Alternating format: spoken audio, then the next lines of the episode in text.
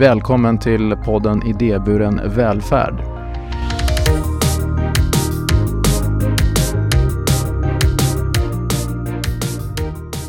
Jag som är programledare heter Thomas Tränkner och idag ska du få träffa en utav alla de personer som jobbar på skyddsvärnet. Han heter Lasse Bergström. Välkommen hit! Tack! Lasse, du är ju psykolog. Det kan man läsa på hemsidan. Du jobbar mycket med alkohol, narkotika, tabletter och spelberoende. Står det också tror jag. Ja. Stämmer det? Det stämmer. Berätta mer om vad du gör här på skyddsvärnet. Som psykolog så kan man ju lätt hamna någonstans långt ifrån åhörarna. Liksom. Så att jag, jag känner att jag vill beskriva det jag gör eh, på ett lite annorlunda sätt. Ja, hur då?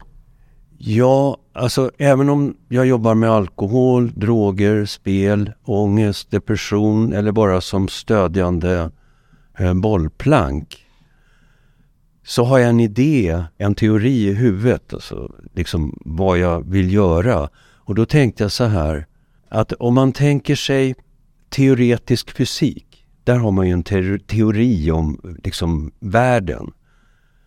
Eller hur?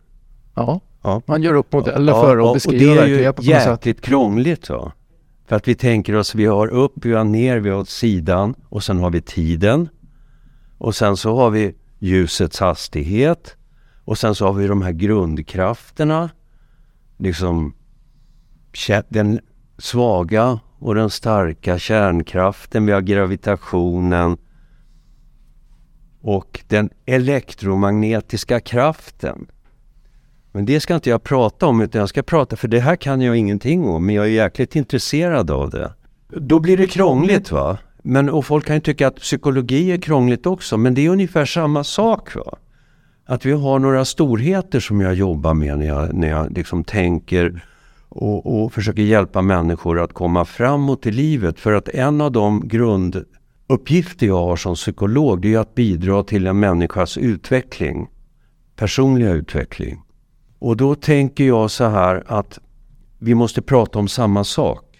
Så att säga. Vi måste ha en modell som vi jobbar omkring. Och då har jag en liknande modell som handlar om vad är det som finns utanför oss? Alltså den sociala miljön. Vänner, personer, platser, saker och hur förhåller vi oss till dem? Och samtidigt så har vi ju då ett inre som där liksom vi också förhåller oss till. Hur känns, har jag ont i magen idag? Oj, känner jag hjärtklappning nu när jag står här? Jag kanske tryck över bröstet. Jag kanske känner mig svettig. Det är också en faktor som jag, det är den fysiologiska delen av mig. Och här kan vi liksom prata om tillsammans. Hur känner du? Är det så? Är det så? Och jag kan förstå vad ni berättar för mig. För vi har en gemensam så vi, vi är alla människor. Och det här du berättar för mig och för publiken här, för vi är live här i Stockholm nu när vi gör det här och för dig som lyssnar. Det är alltså ett, så det går till i ett samtal med, med någon som du för? Ja.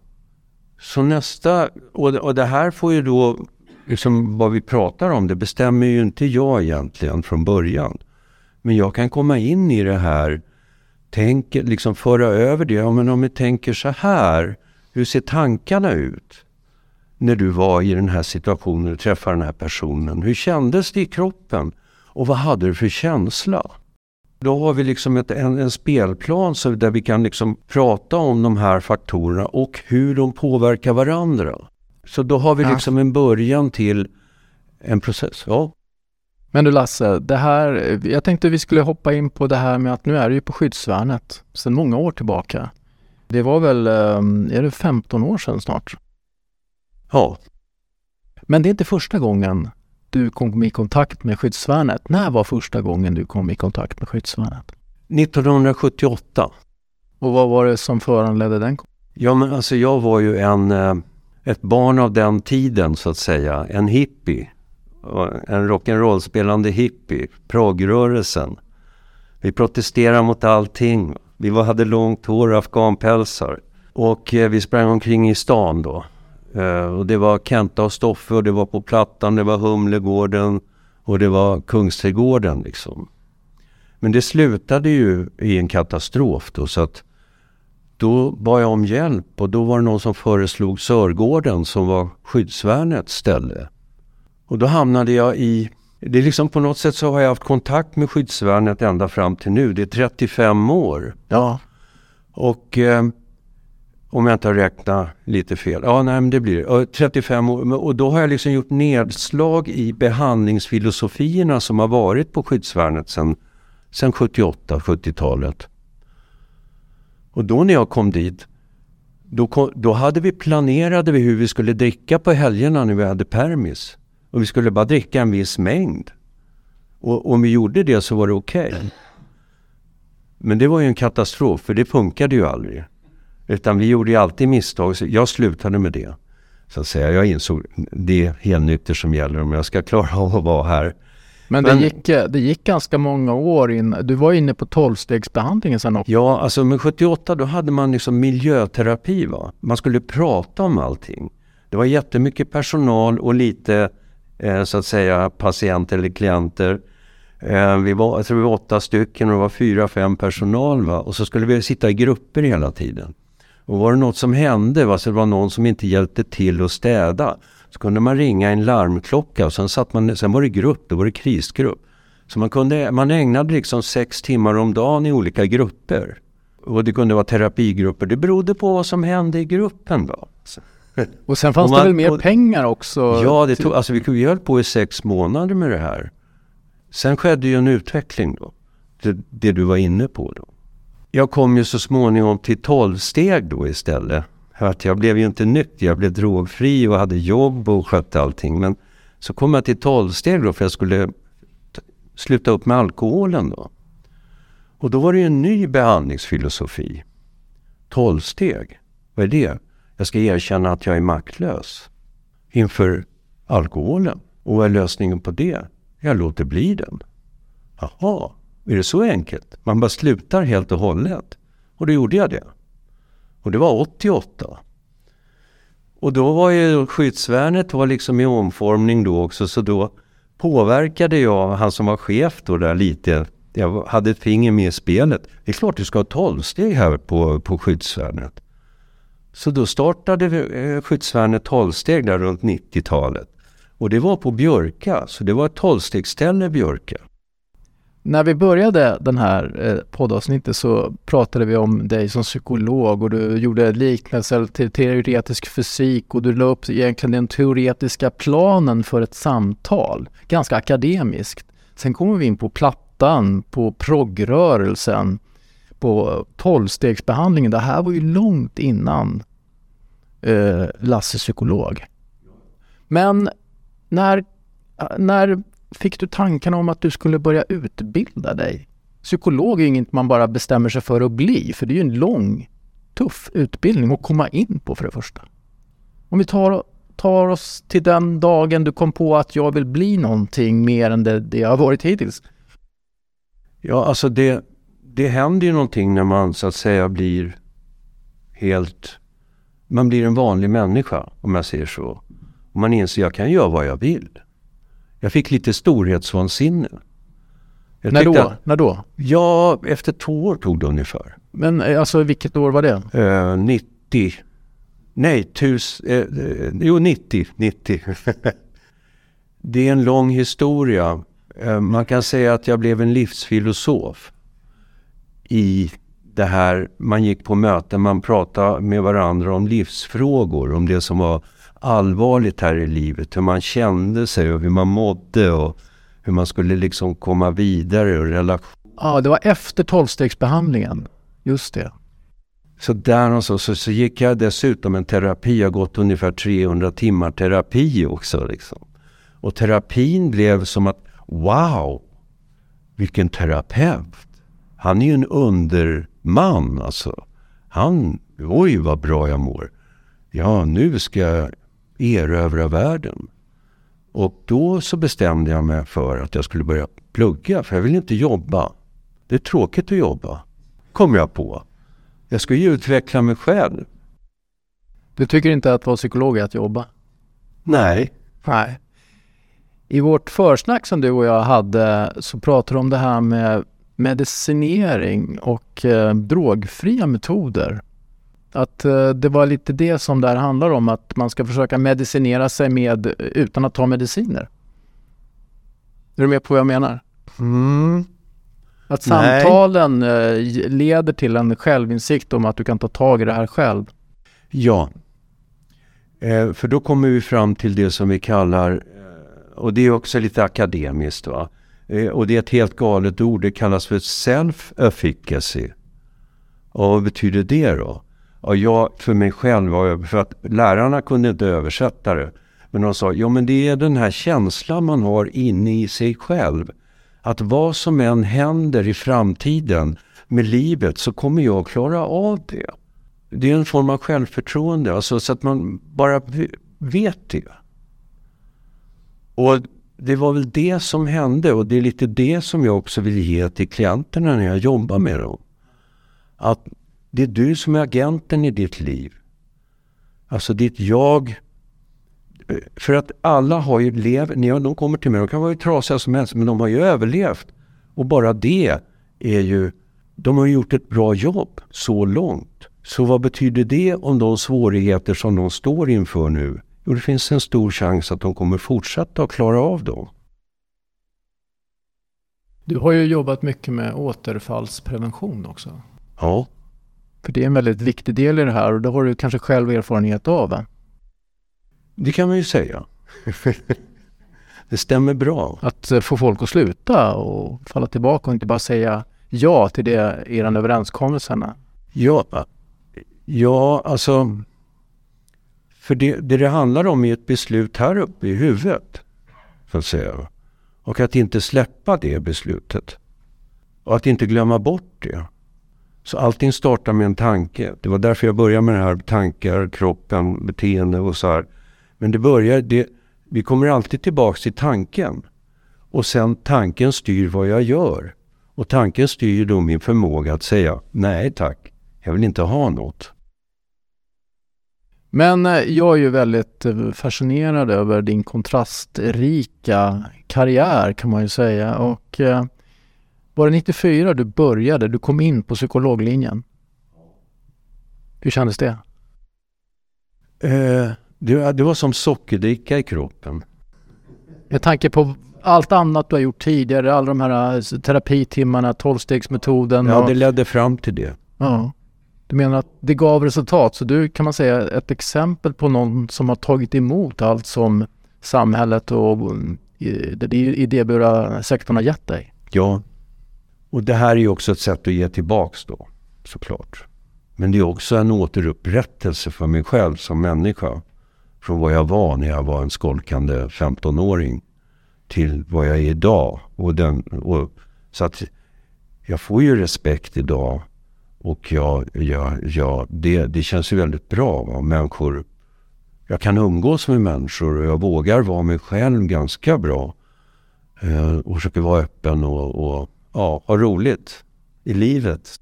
Men åter till det här med skyddsvärnet. För att du var ju här 78 men sen eh, var du en lång, lång stund borta. Men sen kom du tillbaka i slutet på 90-talet. Ja, för då kommer nästa våg då av så att säga behandling. Vad blev på modet? Jo, det var ju KBT. Och då så la ju skyddsvärnet ner sin tolvstegsbehandling och sen anställde de mig. De ringde upp och sa du vill att du ska komma och jobba med KBT här. Och då var jag färdigutbildad KBT. -are. Så då är vi inne på, nu är skyddsvärnet alltså inne på KBT. Det är det det ska vara. MI, det vet ni, ni som jobbar på boenden. Men det här, det här var 97-98 någon gång va? Det var 1997-98 som du jobbade på skyddsvärnet då innan du kom hit senast? Jag började jobba lite av och till som konsult. Ja, just det. Men sen när du var färdig med psykologiutbildningen, ja. då provade du på en massa saker, berättade du för mig innan här. Ja, just det. Du var runt lite överallt. Jag jobbade på anstalt. Jag har jobbat där i 15 år. Jag har jobbat på skyddsvärnet halvtid hela tiden. Skyddsvärnet har varit min röda tråd i livet på något sätt. Eh, jag har jobbat med spelberoende. Eh, med forskning omkring det. Och jag har jobbat på avgiftningen på Maria bland annat i början. Och jag har jobbat inom kommunen som med alkohol och drogterapi så att säga. Och så lite på Kry. Vilket är ett fantastiskt sätt att jobba med video. Och idag när vi spelar in det här så är det den 20 december 2022. Du är 70 år gammal. Det var några år sedan du, tog, du gick i pension men ändå är du kvar. Ja, ja. Hur kommer det sig? Ja, för att jag inte gjort mitt. jag har lite kvar att ge känns det som. Ja. Ehm, det håller mig levande. Liksom mötet med människor och med arbetskamrater och med klienter. Det liksom på något sätt håller mig uppe på tårna. Så liksom jag mår bra av det när jag går hem från jobbet. Men Lasse, innan vi eh, avrundar det här så kan vi väl komma in på det här med eh, de här självhjälpsgruppen Lifering som jag vet att du...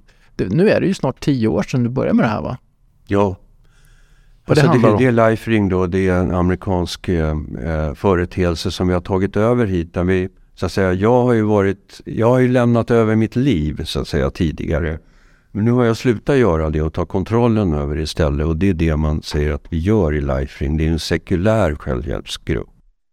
Men vad skiljer Lifering mot tolvstegsmetoden egentligen? Där bestämmer du själv vad du ska göra så att du, du kan inte gå frågan om vad ska jag göra. Men du, vi kan ge råd så här, du kan göra si eller så men du gör precis som du själv vill. Va? Men målet är att du ska sluta dricka och använda. Och vi finns och hjälper dig här.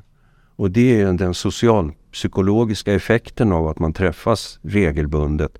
Så stärker man den här delen i sig själv, just den här jag kan, jag klarar också. Som jag pratade om, just det här att man har en self-efficacy, eller vad kallar det, självförtroende. Jag kan hålla mig nykter en vecka till för då ska jag träffa grabbarna igen. Så att det blir liksom att man ger ett löfte till sig själv och till dem man är tillsammans med.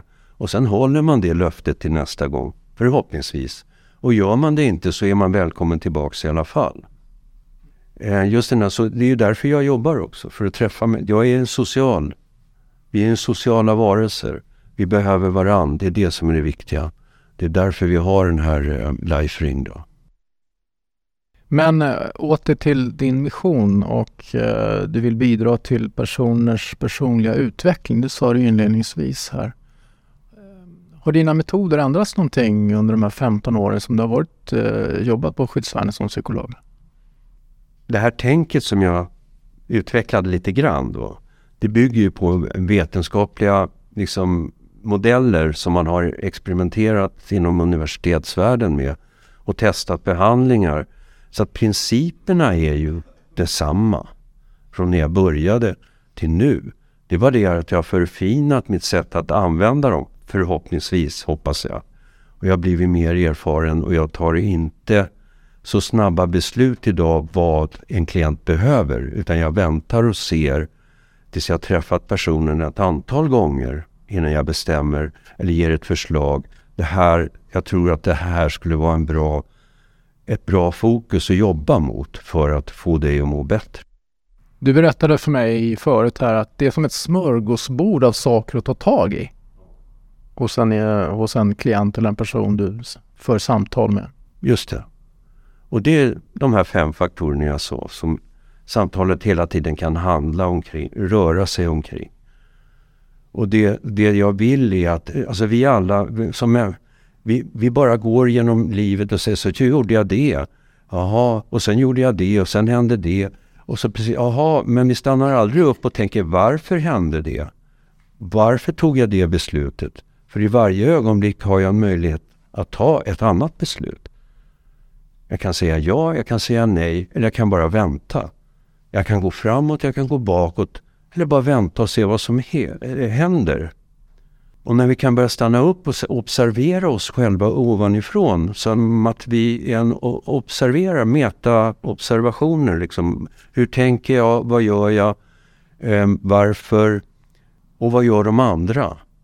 Och man får förmågan att dela upp bitarna av sig själva och sen så sätta ihop dem till en helhet. Och sen så flyter det där på ganska bra av sig själv. Och det är som en terapeutisk process, tänker jag. För då kan man när som helst plocka isär igen och kolla på det. Och iaktta, vad är, aha, varför händer det här? Vad, vad konstigt det blev nu. Och så börjar man titta på vad hände? För det, det är som att det är ett skeende så att säga. Först händer det, sen händer det, händer det, händer det. Så, i en ordning. Och, och då kan man plocka isär det. Jag är ute efter att eh, vilken nytta, vilka värden som skapas med att jobba som psykolog. Det är revolutionerande verksamhet. Du är lite blygsam tycker jag. Nej, men det där är intressant. Jag jobbar på fängelse. Va?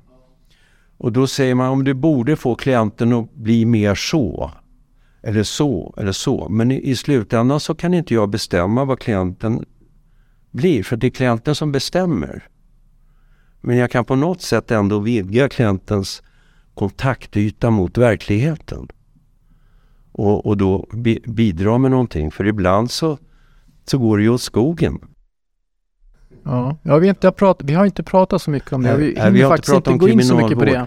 Eh, om, om, när det går åt skogen. Men eh, vi, vi vill ju höra om positiva faktorer utav att samtala med, med någon. Det är det det handlar om ju. Det är ju en erfarenhet. Eh, att bli lyssnad på. Att eh, få tid och lugn, i lugn och ro. Utan att känna att man måste ge någonting tillbaks. För jag begär ingenting tillbaks. Utan jag blir en papperskorg där man kan slänga en massa saker. Eller också blir jag en, en komprimator som processar det och skickar tillbaks det i mer smältbar form. Men kan man som psykolog må dåligt? När man bra har alla de här metoderna? Bra fråga, bra fråga. Eh, såklart. Jag har också varit utbränd. Ja, jag kan jobba, man kan jobba för mycket inom vården. Det är väl ett stort problem eh, generellt sett. När man jobbar med människor så är det lätt att bli, man tar på sig för mycket. Idag tycker jag inte att jag, jag nej, jag, jag mår aldrig dåligt. Inte så. Korta stunder. Jag, jag tänker, vad är, vad, är, vad är det jag tänker, vad är det jag gör? Vilka träffar jag? Hur kan jag må bättre när jag mår dåligt? Och så, så bara gör jag det jag behöver göra för att må bättre. Ofta handlar det om att lyfta telefonen. Eller bara ställa mig upp och röra på mig och gå. Motionera, träna. Ja, som när vi pratades vid första gången, då höll du på att lyfta massa vikter. Samtidigt ja, som du pratade. Ja, ja. Precis. Da, och igår så höll du på att dammsuga samtidigt som du pratade med mig. Ja, ja, all aktivitet är bra och det kan man försöka ge till klienterna. Gör något, ligg inte på rummet. Gör något, vad som helst. Gå ut och ta en promenad. Ja, Lasse, vi, vi har ju pratat eh, länge om det här innan och det finns mycket mer att säga. Vi får väl se om vi får anledning att återkomma till din berättelse. För att det är ju så intressant, både allt som hände innan du blev psykolog och vad som händer när du pratar med dina klienter. Tack så hemskt mycket för att du ställde upp och var med här i den här avsnittet av Idéburen välfärd och eh, tack ni er som lyssnat, ni som är live här med oss och till dig som finns där i, i dina öron. Fortsätt att prenumerera på den här podden om du inte redan gör det på iTunes eller på Spotify eller på någon annan läsare. Vi hörs om två veckor igen.